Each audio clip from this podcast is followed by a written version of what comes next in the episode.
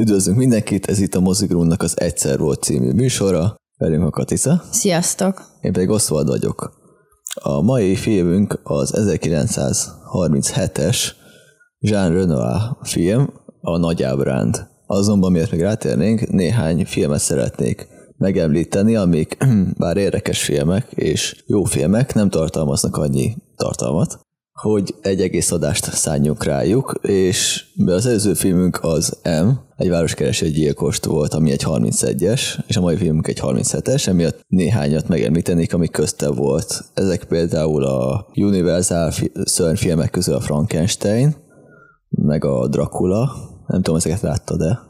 A Drakulát, igen. És az mennyire tetszett neked? Nem tudom, nagyon, nagyon izgi volt megnézni ennek az egész ilyen vámpíros eredet történetnek a egyik kezdő alkotását hanem a kezdő alkotását. Igen, ez a Lugosi Béla féle. Igen, igen. Igen, ennél korábbi amúgy csak a 22-es Nosferatu volt, ami igen, vámpíros igen, témájú. 33-as King Kong is még ide tartozik, az is Universal film volt az technikai szempontból amúgy nagyon fontos, mert ott használ, használtak már stop motion is, meg vetített háttért is, ilyen szempontból amúgy nagyon látványosnak tekinthető, és valószínűleg az emberek 33-ban elájultak, mikor látták a King Kongot. Manapság már az egy kicsit vicces, mert láthatóan be van öltözve a néhány jelenetben a King Kong. Ami Universal szörnyfilm még a láthatatlan ember, amit néhány éve remékeltek, és szerintem a remake sokkal jobban kész, sikerült. Van egy vígjáték, 1934-ben a Capra csinálta, az egy, ez történt egy éjszaka, egy tök kedves vígjáték, igazából semmi extra, és egy kezdeti Hitchcock filmet még megemlítenék, ami fontos, az a 39 lépcsőfok, amit még a Amerikába való emigrációja előtt készített Angliába, és mint minden Hitchcock filmben, Hitchcock itt is kameózik egy kicsit és így jutunk el 1937-ig Jean Renoirnak a Nagy Ábrán című filmjéhez. Renoirról azt érdemes tudni, hogy a francia filmművészet egyik kiemelkedő egyénisége, és például François Truffaut-nak a művészetére nagy hatással volt. Az apja pedig egy híres impressionista festő volt, Pierre Auguste Renoir. És amúgy csak a 1920-as évek évek közepén kezdett filmmel foglalkozni, vagyis olyan 25 éves kora után, és kizárólag azért, hogy a első felesége, Catherine Hessling film, filmszínésznő lehessen. Ez szép. Nagyon cuki.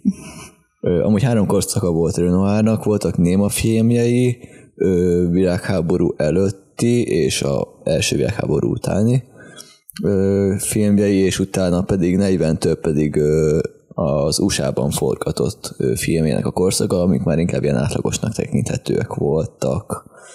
Amit még érdemes tudni, hogy megelőzte az olasz neorealizmust és a francia új hullámot is két, két filmjével. Pályája csúcsa a 39-es játékszabály volt, amit én láttam. Nem túl jó film, számomra kicsit rosszul öregedett, de amúgy érdekes. Nagyjából szinopszisa az röviden arról szól, hogy néhány francia pilóta szökni próbál egy német hadifogoj táborból, és van köztük például egy arisztokrata származású de Boadieu kapitány. Egy idő után elkerülnek egy másik táborba, egy kastélyba azt hiszem, és ott meg a szintén neves von Raufensteinnal összebarátkozik, aki a tábornak a vezetője, és a különböző más fogsában lévő katonákkal együtt próbálnak túlélni ebbe a táborban, vagy egyet, egyáltalán élni. Neked ez a film mennyire tetszett? Milyen volt számodra?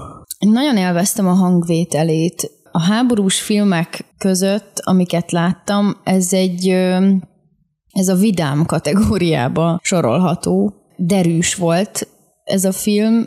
Nagyon volt számomra, vagy nekem volt egy csomó újító dolog abban, ahogyan a saját közeli múltjára, tehát az első világháború eseményeire, ahogy vissza tud tekinteni ez a film. Ugyanis Renoir katona volt a háborúban, és a főszereplő a Jean Gabin például a rendezőnek a háborús egyenruháját hordta. Maga a rendező adta rá a kabátot például, ami a film elején is például rajta van.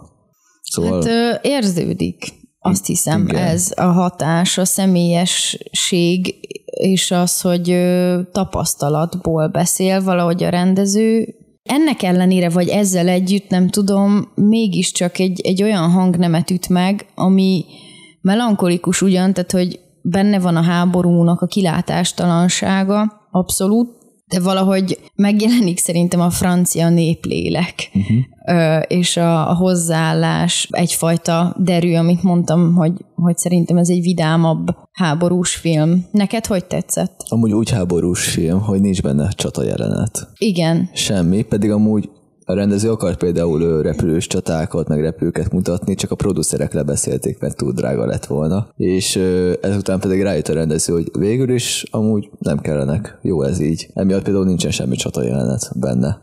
Nem, ez így szerintem egy teljesen, ezért is lehet, hogy újító az a film, mert hogy amúgy csata nélkül is képes megmutatni azt az oldalát talán a háborúknak, amiről kevesebb szó van, vagy kevesebb tudomás van, hogy, hogy a hadifogoly táborokban mi volt a helyzet, hogy ott milyen tétek voltak. Mert hogy persze a csatatéren mi a tét? Az, mhm. hogy túlélek-e vagy nem? Vagy hogy nyerek-e vagy veszítek? Igen. De a hadifogolytábor az ilyen szempontból egy, egy ilyen tranzitzóna. Tehát egy, egy, egy ilyen senki földje. Igen. Igen, katona igen. megőrző volt. Mint egy ovi. Igen. Nagyon szélsőségesen fogalmazva. Számomra az volt a filmben a legérdekesebb, és ami a legjobban megfogott, hogy mennyire emberien bánnak egymással. A, mind a foglyok a, egymással, mind a, hát a tábornak a vezetői, a, ugyebár a németek a foglyokkal. Semmi erőszakot nem lehet találni benne, még a szökésnél is, von Raufenstein is úgy kéri meg a egyik szereplőt, hogy kérem, mint férfi a férfihoz, hallgasson meg, és ő is nagyon viszolyogató, hogy egyáltalán lőjön.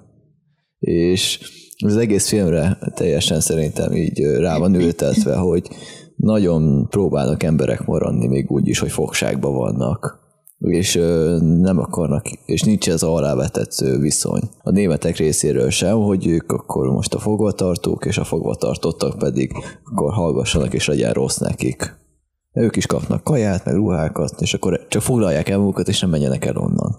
Így állnak hozzá a filmben a németek, és szerintem ez amúgy nagyon tényleg emberi, és jó, jó volt látni, hogy amúgy mm, ilyen vészterhes időkben is mennyire normálisan tudnak egymással viselkedni a emberek. Igen, volt ebben a kölcsönös tiszteletben valamilyen fajta világrend, vagy egy, egy olyan szemlélet, ami, ami lehet, hogy hát merem remélni, hogy nem annak a kornak a sajátja, hanem most is ez jellemző, ezt nem tudom, de hogy, hogy ez teljesen kitűnt a filmből, hogy ott, tehát az arisztokráciának a megléte az még nagyon is hatással van arra, hogy hogyan, hogyan kommunikálnak egymással a, a katonák. Uh-huh. Tehát, hogy tényleg megvan az, hogy ugyan felfogjuk, hogy mi itt egyébként ellenségek vagyunk, de ezen kívül civilben mindenki tök más. Igen.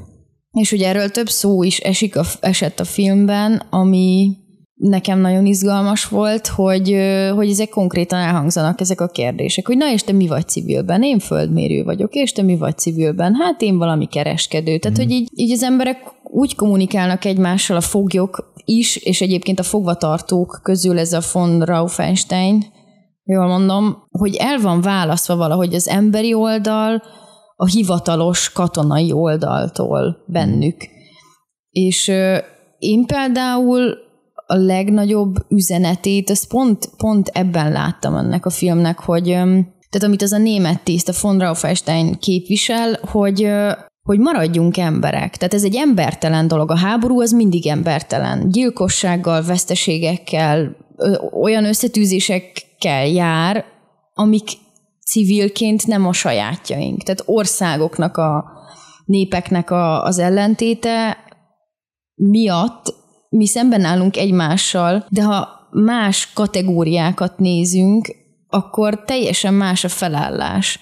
Szóval máshol vannak az ellentétek, és ez az, ami nagyon izgalmas volt nekem ebben a filmben, amikor a német tiszt a francia tisztel úgy beszél, hogy ők egyébként egy csapat. Most éppen nem, de mivel mind a ketten arisztokraták, uh-huh. ezért ők inkább egy csapat, mint a közkatonák. Akkor is, hogyha, hogyha a köz, tehát, vagy közkatonák, vagy olyan nem arisztokrata uh-huh. tisztek, ők kevésbé tartoznak az ő csapatukhoz. Tehát, hogy Igen. az arisztokrácia az egy erősebb lánc, egy erősebb kötelék a két tiszt között, uh-huh. mint a katonai rang. És hogy ez, ez, például, ez például most már nincs így, remélem, vagy nem tudom. Tehát, hogy most már, hogy legalábbis itt nálunk nincsen arisztokrata réteg. Hát nincsen gazdag réteg van. Hát igen, de, de hogy rossz, nem, nem alapból mindenki egyenlő polgár. Hát jogilag igen.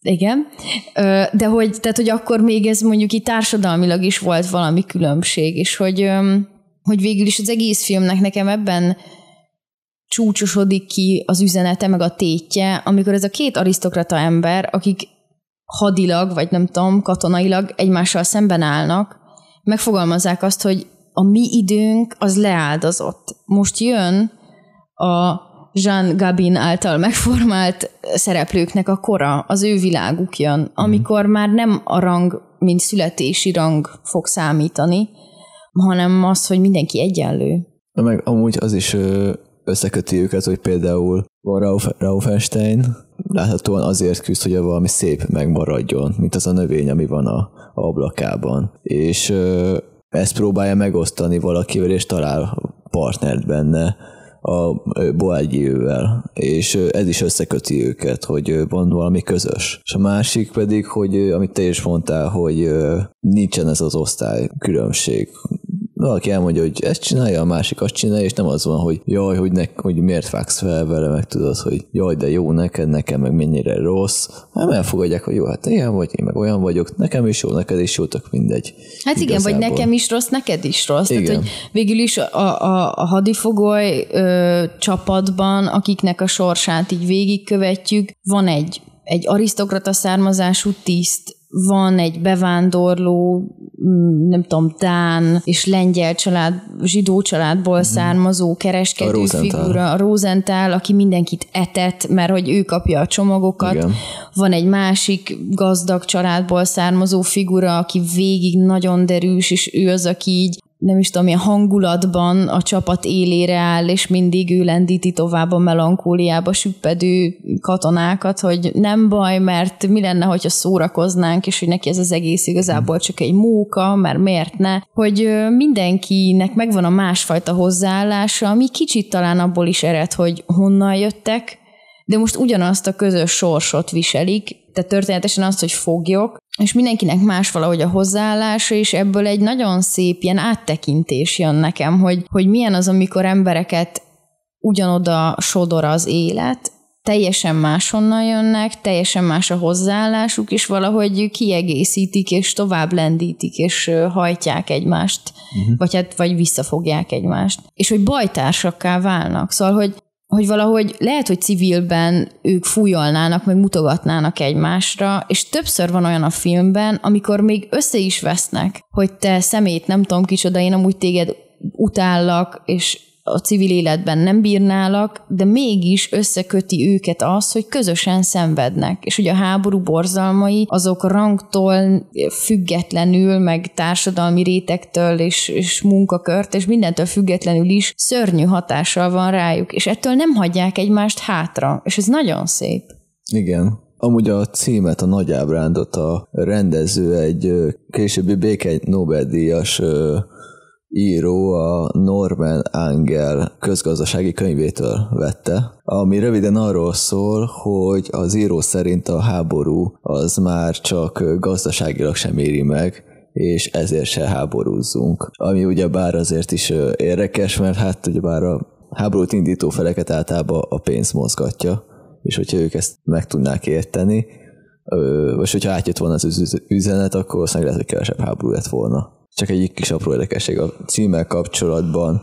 A másik érdekesség, hogy a film zenéjét amúgy egy magyar írta. A Budapesten született Kozma József, aki francia sanzonoknak a szerzője volt. Így került a Renoir közelébe. Magyar ember írta ennek a filmnek a zenéjét. Szuper. Amúgy szerintem szép zenéje van. Igen, Kellemes. és nagyon, tehát én azt, azt bírtam ennek a filmnek a zenéjébe, hogy csomószor ilyen tényleg ilyen pattogós indulók, meg mindenféle sanzonok, amik nagy kontrasztban állnak azzal, amit éppen látunk uh-huh. cselekmény szinten. Tehát, hogy ásnak, vagy lapátolnak, vagy ilyen gusztusan dolgokat csinálnak, ami nem, mintha az ásás meg a lapátolás az lenne, csak hogy így szenvedés van, meg nyomor, mm. meg katonaság, fogolytábor, stb. És hogy mellette egyszerre jelenik meg valamilyen szinte parodisztikus dicsőségesség annak, hogy igen, de ez a háború, és nekünk ezzel célunk van, és az egészet belengi valamilyen patrióta őrület, főleg amikor felhangzik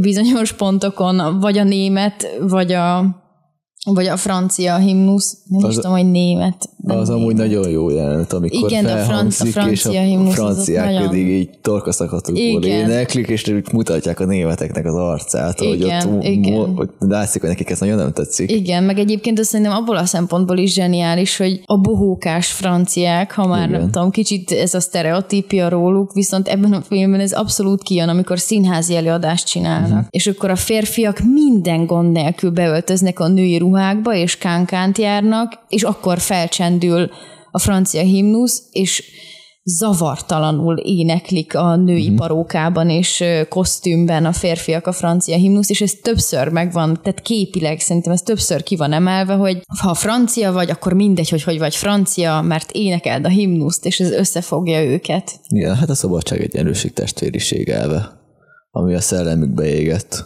Amúgy ez a film a Fekete Poézisnek az egyik kiemelkedő darabja.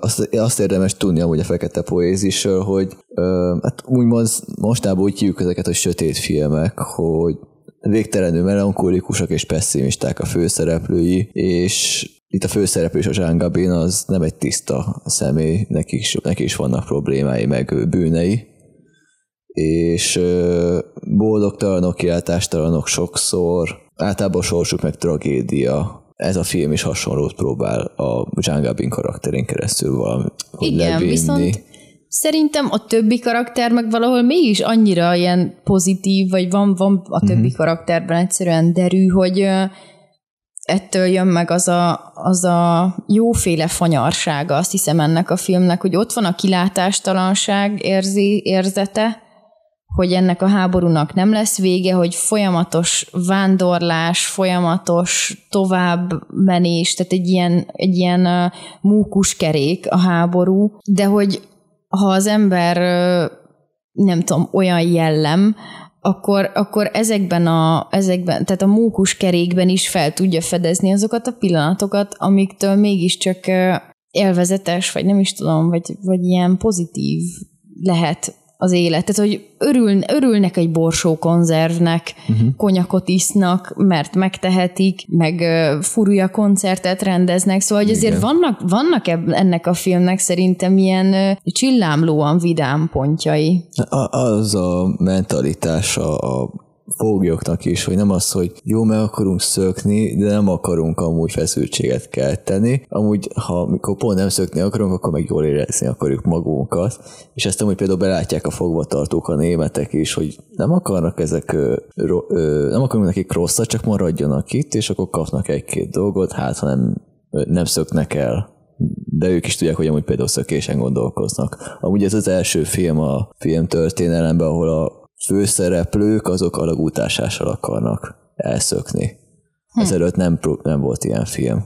Szóval ebben is az első. Amúgy... Neked mi volt a, a legszebb, vagy legfontosabb mozzanata ennek a filmnek? Nekem a Boadieu-nek, meg a Raufensteinnek a kapcsolata, hogy mennyire tisztelt elbánnak, beszélnek egymáshoz, de mégsem néznek le senkit amúgy, aki nem arisztokrata, és hogy mennyire tényleg tudják, hogy nekik lejárt már az idejük, és ők már egy kihalóba lévő faj, de attól még próbálják azt a kevés időt, amit, amit úgymond a saját arisztokrata közösségükbe tudnak tölteni, azt kielvezni, és megoszták, amit csak lehet egymással mint az a virág, itt látszott szinte a Raufensteinen, hogy úgy nagyon mutogatni akarja, hogy milyen van, és hogy ez mennyire fontos neki.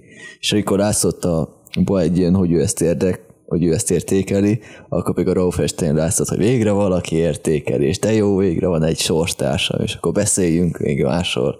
És akkor ott üldögélnek és beszélgetnek, az nagyon, nagyon kellemes volt számomra, és tényleg igazán emberi. Szóval nekem ez volt neked. Én, én azt, azt a pontot emelném ki. Én ott egyébként le is tudtam volna zárni a filmet. Amúgy ott amikor... volt egy pont, amikor megtörténik egy szökés. Igen. És akkor ott lezárhatták volna. Az, az utolsó harmadon kis házikóval meg a nővel, meg a kisgyerekkel, az nekem kicsit ilyen plusz rátoldás volt. Igen, nekem is, tehát hogy nekem abszolút ott, ott volt a filmnek a csúcsa, amikor végül is a De Boitier úgy dönt, hogy, hogy beáll, tehát hogy úgy dönt, hogy hogy mivel tudja, hogy az ő arisztokrata létének befellegzett, ezért feláldozza a becsületét. Hmm. Tulajdonképpen azért, hogy megmenekítse a bajtársait, akiknek majd jön az ideje. És még ezt is fehér kesztyűbe teszi. Igen, fehér kesztyűben és furúja szóval, és hogy ez is egy olyan, ez, ez minden szempontból szerintem egy fantasztikus jelenet, hogy előtte halljuk ezt a viszonylag komoly beszélgetést a két arisztokrata ember között, amikor mind a ketten konstatálják, hogy az ő idejük lejárt. És utána a de Boitier a saját ilyen snob képzetéből, hogy ő szereti a, a furúja szót. Uh-huh.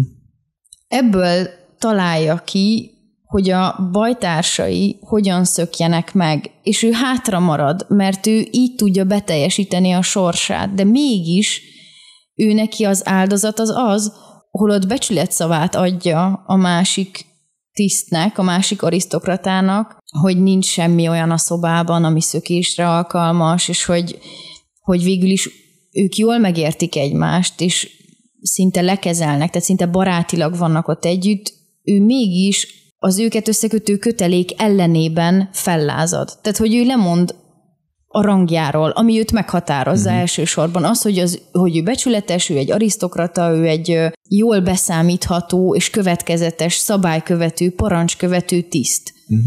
És tudatosan ellenkez, ellene megy ennek az egész dolognak mások érdekében. És hogy egy ilyen egyszerű furúja szó, az mennyire fel tud nagyulni azzá, hogy igen, ő most így mutat fricskát tulajdonképpen saját magának, uh-huh. Hogy így lázadt fel a, az ellen, a világrend ellen, amiben ő egyébként egy vezető, egy arisztokrata. Arisztokrataként például szerintem benne meg volt az, hogy ha ő fogoly, akkor ő majd a szépen leüli a fogságát, és majd ha vége lesz, akkor kiengedik. Mint az urak, ugyebár kiengedik, ha vége van, akkor ennyit tudod, kiestél a játékból kvázi. És pont ezzel a lázadással mondott le az arisztokrata szerepéről. Abszolút. Bár így mondjuk megszerezte magának a háborúban meghalni dicső halál titulust, de ennek volt szerintem, vagy én éreztem ennek, a, ennek az árát, hogy ez már nem, nem róla szól ez az egész dolog, hanem, hanem ő egy áldozatot hoz másokért uh-huh. maga ellenében. Igen, amúgy sokat elmond a filmről, hogy betiltották a németek, meg a franciák is, mert rontották a katonák morálját. És hát persze. emiatt nem nézhették meg. Például, mikor bevonultak a németek Franciaországban, Goebbels gondoskodott arról, hogy a filmnek a kópiái azok el legyenek pusztítva, amennyire csak lehet, mert Renoirra úgy hivatkozott, hogy az első számú filmes közellensége a német birodalomnak. Hát persze, mert minden propaganda hiányzik ebből a filmből, és kizárólag az emberi és emberközi viszonyokra fókuszál ez Igen. a film, és ettől szerintem ettől fantasztikus, és ettől ezért is jó, hogy nem került bele semmilyen csata jelenet, mert uh-huh. egy mhm. csata jelenet az teljesen elvitte volna a fókuszt arról, hogy, hogy milyen, a, milyen testközelből egy ilyen hadifogolytábor, milyen testközelből az ellenségeknek a, a viszonya. Igen, de nincs is amúgy másfajta agresszió nagyon benne. A lövöldözés is olyan, hogy nincsen benne. Csak azt látsz tudni, hogy lövöldöznek, de nagyon nincs benne semmi szenvedés. A furulják is olyan, hogy elveszik tőlük, nem úgy, hogy nem akarják, hogy elvegyék, hanem hogy jó, hát akkor elveszik, jó, akkor tessék, és akkor annyi. És így tényleg nincs semmifajta ö, két, félrel lévő er, erőszak hanem mert teljesen úgy, mintha mindenki óriásan bánna egymással. Hát mert a játék, tehát a saját játékszabályaik uh-huh. szerint játszanak, kivéve a De Boitier, aki ő az egyetlen talán, aki kilép abból a játékszabály rendszerből, ami feláll, amit felállított ez a két csapat. Tehát, hogy a hadifoglyok szökésre vannak, a, a hadifogolytartók pedig arra, hogy fogva tartsák a szökésben levő hadifoglyokat. Tehát ez teljesen egyértelmű szabályrendszer, és hogy mindenki e szerint is viselkedik, és pont ezért tud nagy áldozat lenni az én szememben legalábbis az, hogy a Deboatyi pedig ebből lép ki. Uh-huh. Amúgy, hogy mennyire emberességesen viselkedtek egymással a szereplők, a, ez a forgatása is igaz volt. De például a, aki játszotta volna Rauf Einstein-t, a Erik von Stroheim, az első forgatás első napjaiban összetűzésbe került Renoirral, mert úgy gondolta Stroheim, hogy jó lett volna, hogyha a németek részéről lett volna egy jelent, ahol prostituáltak is ott vannak. Viszont Renoir ezt nem akarta, és ebből lett egy vita, aminek az lett a vége, hogy Renoir sírva fakadt, ami miatt Stroheim is sírva fakadt, és egymás karjaiba borultak, és azt mondta Renoir, hogy ahelyett, hogy összevesznének az általa annyira csodált művésszel, inkább lemond, inkább lemond a film rendezéséről, és ezután von Stroheim megígérte, hogy ettől kezdve szó szerint követi Renoir utasításait, és ő tartotta is a szavát. Visszatekintve amúgy a produkcióra a színész így nyilatkozott, hogy soha nem találtam rokonszenvesebb, megértőbb és művészibb rendezőt és barátot, mint Jean Renoir. Ez az elég kedves történet. Igen. Amúgy másik érdekesség, hogyha már Stroheim, hogy a jelenetei nagy részét a forgatás napján rögtönözték. Ez nagyjából úgy történt, hogy ő és Jean Renoir németül, megbeszél, németül beszélték meg ezt a dolgot, de úgy, hogy Stroheim angolul leírta ezt, azt, azt átadta Jacques Becker rendezőasszisztensnek, és François Giroux forgatókönyvírónak, akik meg lefordították ezt franciára, és átadták a Jean Renoirnak. És így történtek ezek a rögtönzések. Szóval ment nagyban a nyelvtanozás a nyelvek között. szép. De nagyon jó az az együttműködés, mert ez tényleg, tényleg szép, hogy nem, nem francia színésszel, hanem rendesen egy német színésszel, szóval hogy ez, egy, ez a film, ez tulajdonképpen egy önmagában egy ilyen béke, béke üzenet. Igen. Hogy remekül tudnak együtt dolgozni ezek a, az emberek. A, amúgy annyira belelendült a Stroheim a karakterbe, hogy a ruháit ő tervezte meg a nyakmerevítőt, amit hordott, mert volt egy ilyen nagy nyakmerevítője a karakternek, és még egy fekete lepedőt is akartam úgy az ágyára a szobájába, de Renoir ettől persze elzárkózott. Összességében te mennyire ajánlod ezt a, ajánlanád ezt a filmet? Én összességében ajánlom, mert nagyon szép az üzenete, és, és szerintem nagyon derűs kincsek vannak benne elásva, és egy szép új szempont, hát akkoriban, de, de szerintem egy olyan szempont, ami most is fontos. Jól öregedett a film? Azt hiszem, hogy igen. Uh-huh. Ez volt a Mozigrund, egyszer volt adása a Nagy Ábrándról, Jean Renoir 1937-es humanitárius filmjéről, mondhatjuk ezt. Velünk volt Katica. Sziasztok! Én meg Oswald voltam. Sziasztok! Ha tetszett az adás, iratkozz fel a csatornánkra, és a like vagy a dislike gombok használatával pedig fejezd ki a véleményed. Hamarosan újabb adásra jelentkezünk. Sziasztok!